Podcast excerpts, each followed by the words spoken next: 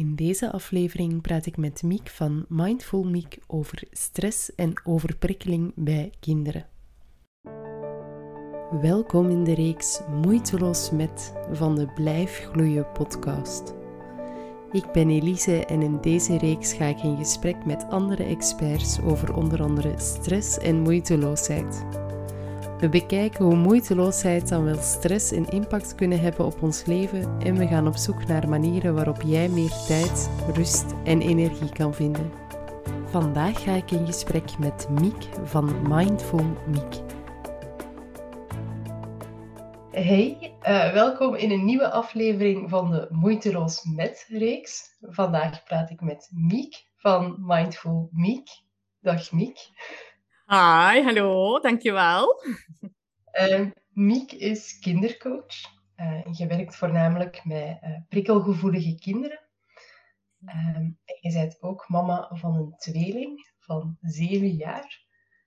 Um, en ja, je hebt ook een paar weetjes doorgegeven. Je hebt je man leren kennen toen je beide meedeed aan de musical van Peter Pan.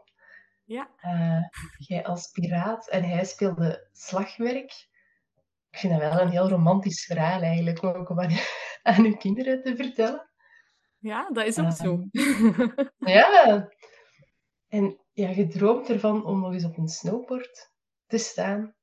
Ja. Um, en dat vond ik ook opmerkelijk. Je bent op zoek naar de perfecte jumpsuit. Ja. Wat is voor u de perfecte jumpsuit? Amai, dat is al direct een moeilijke vraag. De perfecte Sorry. Misschien zijn er mensen die tips hebben, dus... Uh... Ja, ja, voilà, voilà, laat maar komen. Nee, de perfecte jump jumpsuit um, is ruim genoeg voor mijn weelderige boezem. Uh, ja, en lang genoeg, maar is ook een klein beetje sexy. Mm. Ja, dus ofwel, ofwel heb ik zo jumpsuits die zo salopetachtig zijn. Um, en dan, dan is dat zo wat minder vrouwelijk en dat is ook oké, okay, want ik vind dat ook wel leuk. Um, ofwel zijn ze gewoon te kort en dan moet ik ze terugsturen. ja, dat is dan inderdaad wel jammer. Maar dus, als er mensen zijn die de perfecte jumpsuit hebben, uh, voilà. laat zeker weten. Dan geven we dat door aan Miek. En dan, uh, ja. dan heeft ze misschien de perfecte jumpsuit uh, gevonden. Ik ben zelf ook een jumpsuit lover, dus vandaar dat ik even de vraag ook wilde stellen. Um, maar ja, mijn standaardvraag eigenlijk, die je al zag aankomen, is: wat gaat er moeiteloos voor u? Ja, wat gaat er moeiteloos? Ik vond dat een hele mooie vraag. Um, en als ik erover nadenk, dan kan ik wel moeiteloos moederen over mijn ja. kinderen. Um, als ik mijn buikgevoel kan volgen, als ik mijn hart kan volgen, dan gaat dat vaak wel moeiteloos. Ja. Um, en dat wil niet ja. zeggen dat ik het altijd allemaal alleen wil doen, of dat ik geen advies kan aannemen of geen hulp, of dat is zeker niet zo.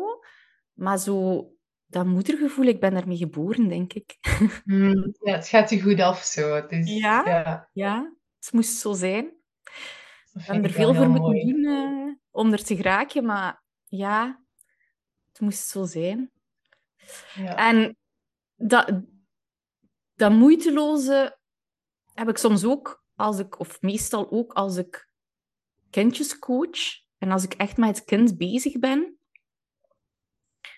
dan uh, zie ik heel vaak de puzzelstukjes vallen. Hmm.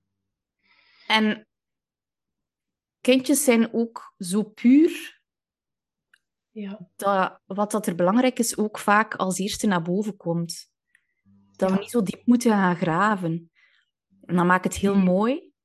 Die kinderen zijn vaak heel authentiek. Hè? Die gaan, ja. gaan zich niet... Die kunnen dat ergens ook niet zich voordoen als iemand anders.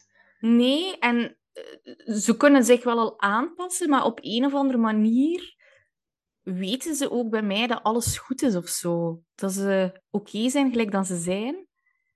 Je kunt ze uh, een veilige omgeving bieden om ja, helemaal zichzelf ja, te zijn. Ja, ja. Super ja, en ook daarin zal, wil dat daarom niet zeggen dat elk traject moeiteloos verloopt. Maar mijn gevoel geeft, maakt het wel ja, comfortabel en, en veilig. En, ja. ja, dus dat zijn wel twee plekken waar ik mij zo wel kan voelen. Ja.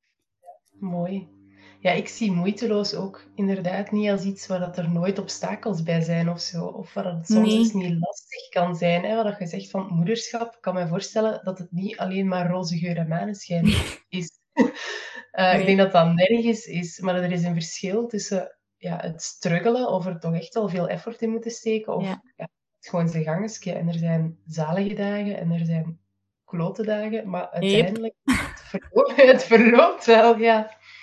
Ja, en, en het gaat over ehm, op een plek zijn of in een rol zitten waarin dat ik naar mijn buikgevoel kan luisteren en volgens mijn buikgevoel kan leven. Ehm, en ook in mijn coaching, hè, je kunt heel veel analyses maken en je kunt heel veel eh, gaan proberen verklaren, maar heel vaak zegt het buikgevoel hetzelfde als wat dat je dan gaat onderzoeken of gaat uitzoeken of uitpluizen. Ja. Ja, ja. Dat is ook een beetje een, een diepere connectie maken met een andere Ja. persoon dan.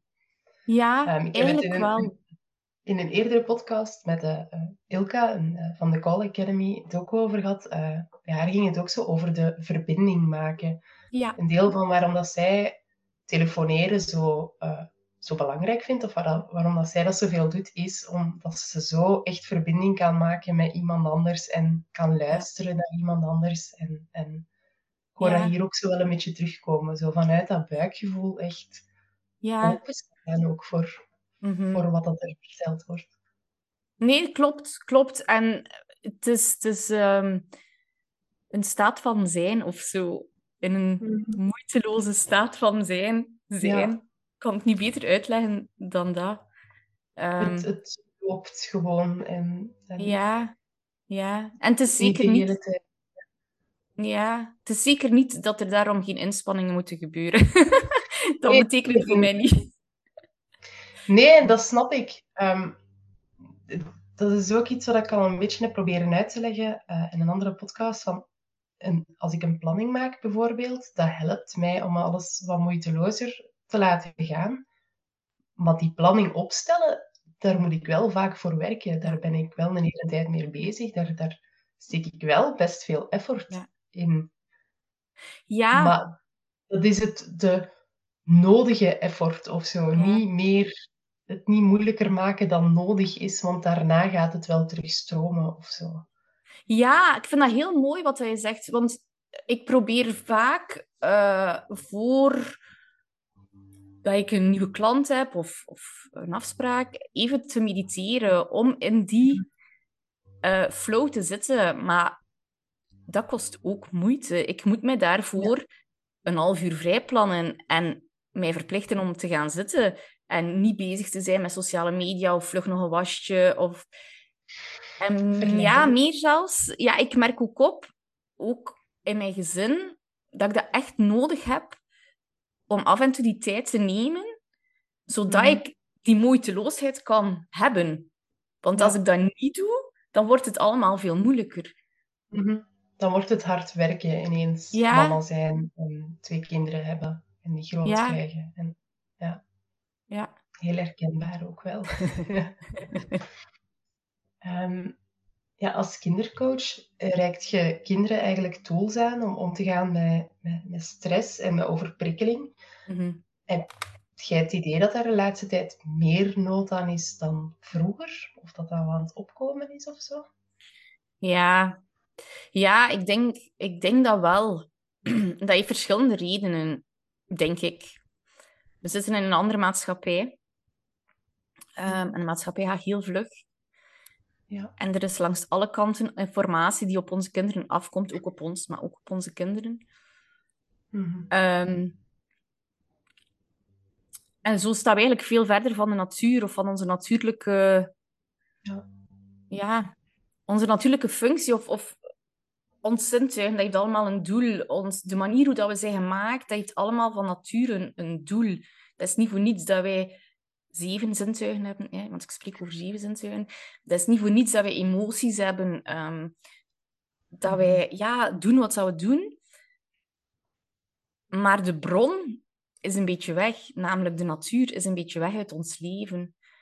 Ehm, terwijl dat die natuur sowieso automatisch ook balans brengt. Dus Ja. eigenlijk een van de eerste tips dat ik zou meegeven aan mensen die klagen over overprikkeldheid of uit balans zijn, sensorisch of emotioneel, is zoek die natuur op. Want de natuur Mhm. geeft ons ook heel veel. Ja. En dat is gewoon veel minder aanwezig in onze maatschappij. Dus ik denk dat dat al een heel belangrijke is. Ga naar buiten, Ja, naar het bos, de wei. Kijk Ja. gewoon naar de lucht, wat je voor handen hebt. En, en ja. En verbind daarmee daar en kijk. Ja, Ja. ja. En voel. Ga dat ritme even volgen en niet Ja. het ritme van de maatschappij. Ja. Ja, want allee, we hebben ook een winter en een zomer. En, en wij verwachten bijvoorbeeld van onszelf dat we altijd op hetzelfde niveau presteren. Hm. Maar er is ook al iets niet natuurlijk. In de winter Mhm. hebben we andere zaken die belangrijker zijn dan in de zomer. Hebben we andere prestaties die meer naar boven komen dan, dan in een ander seizoen. En ook dat vergeten wij soms. En wij vergeten ook soms gewoon een keer om te kijken van, van waar komt alles? Ehm, hoe wordt ons wortelke gekweekt dat wij opeten? Ons patatje, maar ook ons, onze kippen. Onze... Ja, ik, ik ben geen vegetariër en ik wil dat zeker niet promoten, maar ik heb wel zoiets van, als we vlees eten, weet tenminste waar dat vandaan komt. Ja. Ga dat gaan beleven. niet uit de winkel komt. En dat Ja. Ja. Ga terug naar die essentie op alle gebieden. Ehm, ja, dat vind ik wel een belangrijke. En anderzijds zien we ook wel ehm, dat, dat er heel veel gedifferentieerd wordt en dat is zeer goed. Ehm, maar soms verliezen kinderen daardoor wel ook een beetje hun houvast en hun structuur. En wat bedoelt je dan juist met dat gedifferentieerd? Ja, ik denk dat er is gewoon heel veel keuze. En er zijn gewoon Mhm. heel veel opties. Ja. Zowel in de klas als in de vrije tijd. Ehm, Er is niet meer alleen de, gaat je naar de Giro en naar de scouts Ja. en naar ballet of voetbal, maar Ja. het is, gaat je naar ballet, de voetbal, de hockey, de turnen, eh Zo, tennis, ja. padel, weet ik veel. En op school is het ook niet meer van... En nu doen we allemaal dit. En nu zijn we allemaal stil. En nu gaan we allemaal gezamenlijk naar daar. Wat ik trouwens vrij goed vind. Hè? Mhm. Voor alle duidelijkheid, dat er gedifferentieerd wordt. Maar sommige kinderen zijn daardoor overprikkeld. Omdat er ook gewoon van alles gebeurt rondom hen. En vroeger zaten we op een bankje in de klas en moest iedereen hetzelfde doen. En op dat moment ook gewoon stil zijn. En dan Ja. hadden wij geen last van eh, Jantje die achter ons zat te fluisteren met zijn vriendje. En een ander kindje die een taakje zat te maken vooraan. Dus Mhm. ook dat, ja, het, het, het, verandert, het verandert gewoon allemaal. En elk goeie, allee, alles wat dat goed is, heeft ook voor sommige mensen een nadeel. En Mhm. dat merk ik wel op, dat sommige kindjes ook daardoor overprikkeld zijn. Gewoon Door wat dat- keuzestress al bijna. Ja. En door wat dat er allemaal rondom hen gebeurt. Ja. Veel te zien, gewoon, waar je voor Ja. gewoon twintig Ja. kinderen braaf in de klas met een mond dicht Bijvoorbeeld. En hey, sociale media die gebruikt, of media die gebruikt wordt, eh, ook in de klas, hè. Ja, wordt er ook al heel de tijd met computerschermen gewerkt. En, en dat is goed, want dat is de maatschappij. Maar ook dat zijn extra prikkels die niet natuurlijk zijn. En Dus ik denk dan vooral dat zo de balans een beetje kwijt is van Ja. Meegaan in die maatschappij en meegaan in die prikkels, Ja. wat dat zeker niet alleen slecht is, maar nee, het blijft daarin hangen. Het gaat niet meer terug naar de natuur Ja. en naar een staat Voilà. waarin dat je gewoon even kunt zijn. En Nee, absoluut. Dat is het volledig. Dat is een zeer goede samenvatting. Ehm, want allee, al, wat dat we, al wat dat we hebben, alle luxe dat we hebben, is natuurlijk positief. Ehm, maar af en toe moeten we een keer terug stilstaan. En dat vergeten we gewoon heel vaak. Mhm. En ja, er is gewoon zoveel te doen dat tijd maken voor gewoon zijn, dat dat niet evident is. Nee, ja. helemaal niet. Ik denk om zo tot rust te komen en om uw grenzen daarin ook te bewaken, ehm, dat we vaak veel ja, extra tools nodig hebben die, die wij als kind ook niet, niet aangeleerd hebben gekregen. Nee, klopt. Dat, dat, daar was geen, ja, geen oog voor eigenlijk. Um, Terwijl dat wel heel nuttig is, want ik, ik denk als we kinderen dat ook kunnen meegeven, zeker op jonge leeftijd, dat ze mhm. later veel vatbaar gaan zijn voor zaken zoals een burn-out bijvoorbeeld. Uh, omdat ze weten ja. hoe dat ze daarmee om moeten gaan als alles zo druk is. Het gaat in de eerste plaats om, het, om de vaardigheid om te kunnen inchecken bij jezelf, vind ik. Om te kunnen mhm. inchecken en voelen van, oké, wat voel ik? Waar voel ik het? Hoe voelt dat? Uh, en ja, wat betekent dat? Mhm. Die vaardigheid hebben van, van gewoon bij jezelf te voelen, oh, is het een emotie, is het pijn, maar wat voel ik? En dat is oké, wij mogen voelen wat dat wij voelen. En wij mogen dat kunnen benoemen, dat is goed als je dat kan benoemen. Van, kijk, ik doe dat ook met kindjes, hè, van oké, waar voel jij dat dan? Ah, ik voel dat eerst in mijn buikje. Of ik voel dat eerst in mijn benen, die zo aan betand beginnen doen. Oké, en dat is de basis. Voel maar. Oké, en wat doet dat mhm. met u? Hoe is dat voor jou om dat zo te voelen? Ah, dat is heel vervelend. Oké. Oké, dat weten we dan al. En dan kan je weer verder gaan. Maar ik denk dat er heel veel volwassenen, ja, onze generatie gewoon niet weten hoe dat wij ons voelen. Wij weten niet. Ik heb pijn, hoe komt dat? Uh, ik doe ook soms mindfulness met volwassenen en ik deed met iemand een bodyscan en die persoon zei na, na die bodyscan, hey, dat is vreemd. Ik begon aan die bodyscan en ik voelde opeens overal pijn. Maar kijk, het is wel weggegaan na een half uur. Maar dat, ja, dat is... die pijn die er al zit. Van ja. Jarenlang waarschijnlijk. En dan, oh ja, maar ik pak een pijnstiller of ik ga gewoon voortdoen. Ja. Niet onnozel doen, ik kan er nog wel tegen. En ja. die zich ophoopt totdat het ergens opgeeft. Op die en, en dat wil niet zeggen dat we het omgekeerde moeten gaan doen. Hè? Dat wil niet zeggen dat we alle pijn moeten gaan vermijden of dat we moeten zorgen dat we dat we niks meer voelen, want dan doen we hetzelfde. Nee, wij voelen, wij zijn mensen en wij voelen. Wij voelen pijn, wij voelen emoties en dat hoort bij het leven. Mhm. Maar je moet het wel voelen om er iets mee te kunnen doen en, en te groeien. Dat is echt een basisvaardigheid die zo belangrijk is. Al is het maar uw adem voelen, daarmee beginnen wij meestal. Voel waar je adem zit. Uw adem vertelt hoe dat met u gaat. Mm ja, en zit u aan in je borst of, of is die rust die je zich gejaagd, kan inderdaad heel veel ja. vertellen. En, en op basis daarvan beslissingen nemen voor jezelf. Van, mhm. oké, ik, ik voel mij gejaagd, ik voel mij niet goed. Ga ik gewoon doordoen? Goed, hè? Bedoel, iedereen mag doen wat hij wil, maar je kunt ook kiezen om iets anders te gaan doen. Je kunt ook kiezen om even pauze te nemen. Dat hoeft daarom niet te betekenen dat je moet stoppen met iets. Dat wil niet zeggen omdat je bijvoorbeeld mm. eh, spanning voelt op je werk of spanning bij een taak op school, dat we moeten, moeten zeggen van, oh, maar nu gaan we dat niet meer doen. Want dat gebeurt ook, dat we gaan vermijden. Dat is ook niet doen. Ja. maar we kunnen wel leren van, oké, bij zo'n dingen heb ik spanning. En als ik spanning heb gevoeld, is het wel belangrijk om even te gaan terug tot rust komen. En andere dingen zijn misschien kosten minder moeite, zijn moeitelozer, hè, om maar nog iets zo te zeggen. En dat is ook oké. En dan kunnen we dat gewoon twee keer doen op een dag of drie keer doen op een dag. Allee, ja. Ja.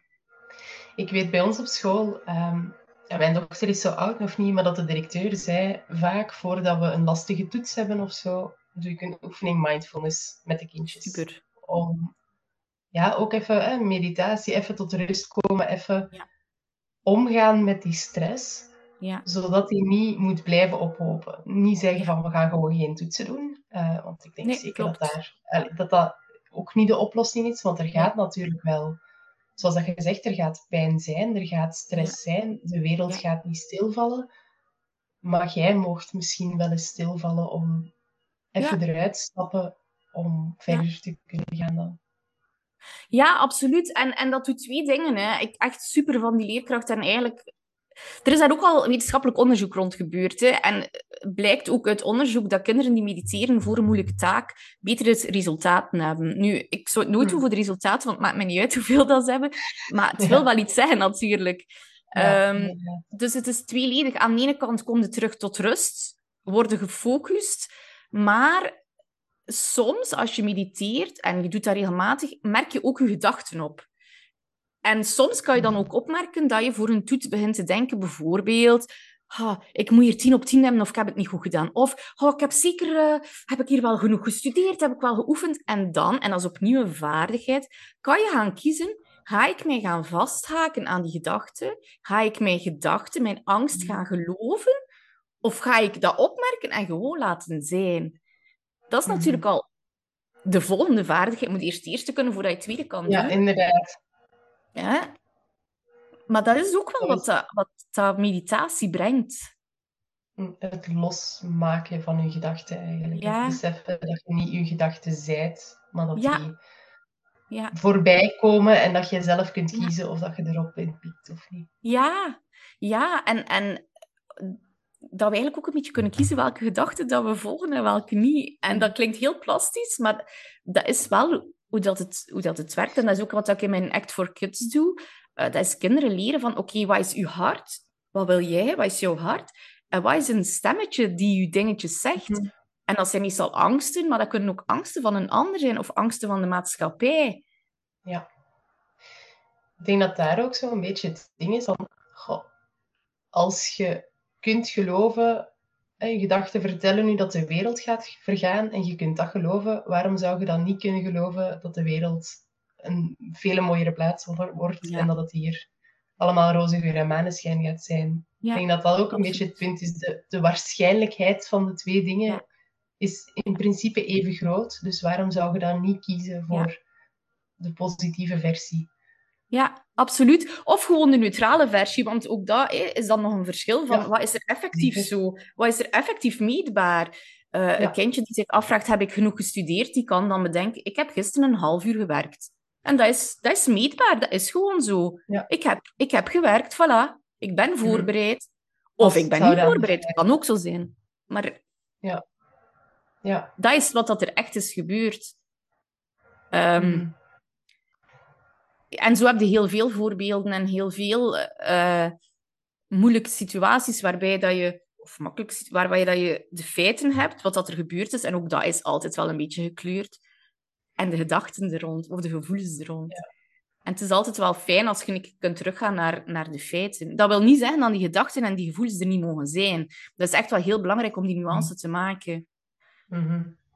Maar zo kunnen we wel groeien en kunnen we onszelf een beetje gemakkelijker maken. Dat zijn heel belangrijke vaardigheden die wij inderdaad minder geleerd hebben. Hè. Wij hebben geleerd van eh, ofwel wegduwen of vermijden. Ik denk dat dat een beetje... Hè, dat Je niet generatie... wenen. Ik denk dat dat Ja. zo'n zin is die ieder van ons wel eens heeft Ja. gehoord. Eh, je moet Ja. niet wenen. Zo Je moet niet wenen. En vooral die moet daarin. Vind ik zo dat aan mijn haar al recht staan. Of je moet niet bang zijn. Maar ik ben wel bang, hè. Ja, als je bang bent, dan zijn je bang. Misschien Ja. objectief gezien gaat er nu niets gebeuren, maar jij bent bang, dus dat is oké. Jij bent bang Ja. en daar gaan we mee aan de slag. Niet, jij moet niet bang. Oh, maar Nee. moeten is sowieso wel een beetje een trigger bij mij, dus Ja. ik hou Ik, niet van ik moeten. snap het wel. Ik, ik, ik denk dat vaak ook. Van, ja, als mijn dochter gelooft dat er een monster onder haar bed zit, dan kun je objectief zien dat er geen monster onder haar bed zit. Mm. Maar die angst is er wel. Die, die Mhm. angst, dat, dat, als je het dan toch Mhm. volledig objectief wil bekijken, die angst is er ook. Dat is Ja. misschien rechtstreeks gekoppeld aan de werkelijkheid dan. Maar Ja. die is ook echt op Ja. dat moment voor haar. Ja, ja, absoluut. absoluut. En zeker bij zo kleintjes, die hebben nog niet het vermogen om dat los te koppelen. Die rekenen op ons als volwassenen en die gaan aan emotieregulatie doen. Die hebben ons als volwassenen nodig om zich aan vast te klampen. Net zoals als zij een woedebui hebben of een huilbui hebben. Zij kunnen nog niet vanuit zichzelf, en dat duurt lang, hè. Allee, ik bedoel, zelfs een puber kan dat nog Mhm. niet, en zelfs een volwassene heeft soms nog een ander nodig, hè Ja. ja, vooral kleine kinderen hebben een andere, volwassen, rustige persoon nodig om terug zelf die rust te vinden. Die kunnen dat nog niet uit zichzelf. Mhm. Ehm, dus ja, zeker in dat geval van je moet niet bang zijn. Ja, nee. Dan moet je dat laten voelen, hè, dat jij niet bang bent. En zeker niet dat je niet, ook niet dat je geagiteerd bent of zo. Dat gewoon oké is. Ja. Je plaats creëren van, oké, we gaan die angst er even laten zijn. En die gaat vanzelf wel weer voorbij waaien, omdat alles oké is. Ja, en dat is trouwens met elke emotie zo. Hè. Ik vind dat voor mezelf was dat een heel helpende, want ik heb ook een zoontje die wel wat woedeproblemen had. Hè. Allee, problemen, zoals sommige hebt kindjes die gewoon meer uitgesproken zijn in hun emoties dan anderen. En een van de twee was zo. En dat is eigenlijk iets dat mij meest geholpen heeft om daar geduldig in te blijven. Van elke emotie gaat voorbij. Geen, enkel, mm. geen enkele huilbui duurt intensief een uur. Geen enkele woedeaanval. Tenzij dat er echt iets problematisch aan de gang is natuurlijk. Maar gaat geen uur duren. Dat gaat voorbij. En zelfs als het een uur duurt, dan gaat het nog altijd voorbij. Mm-hmm. En als ouder ja, is het vaak gewoon in aanwezigheid en liefst in verbinding, maar soms lukt dat niet, maar liefst in verbinding, wachten tot als het voorbij is. En dan mm. kan je verder gaan. Maar zeggen, ja. je moet niet of je mag niet dit of dat, ja, nee, dat is niet zo. Zou ik niet aanraden. nee, nee, snap ik volledig. Want ja, uiteindelijk, het is er wel, hè. Je moet niet boos zijn. Ja, nee, maar ik ben wel boos. Ja. Misschien niet, maar ik ben het wel. Ja. En opnieuw, we waren nog zeker niet uitgepraat. Het vervolg van ons gesprek komt aan bod in de volgende aflevering. Die gaat over pijn, lijden en ontprikkelen. Uh, die komt een week later online. Dus als je deze uh, aflevering een week na publicatie luistert, kan je meteen door naar de volgende aflevering. Anders kan je uh, de Blijf Gloeien podcast volgen of je erop abonneren, zodat je een melding krijgt als de volgende aflevering online staat. Als je deze aflevering interessant vond, ga je zeker ook de volgende willen luisteren. Tot de volgende keer. Bedankt voor het luisteren van deze aflevering. Deel hem zeker met mensen die ook wat meer moeiteloosheid kunnen gebruiken. Ook hoor ik heel graag wat je ervan vond. Laat het mij weten via Facebook, Instagram of laat een review achter.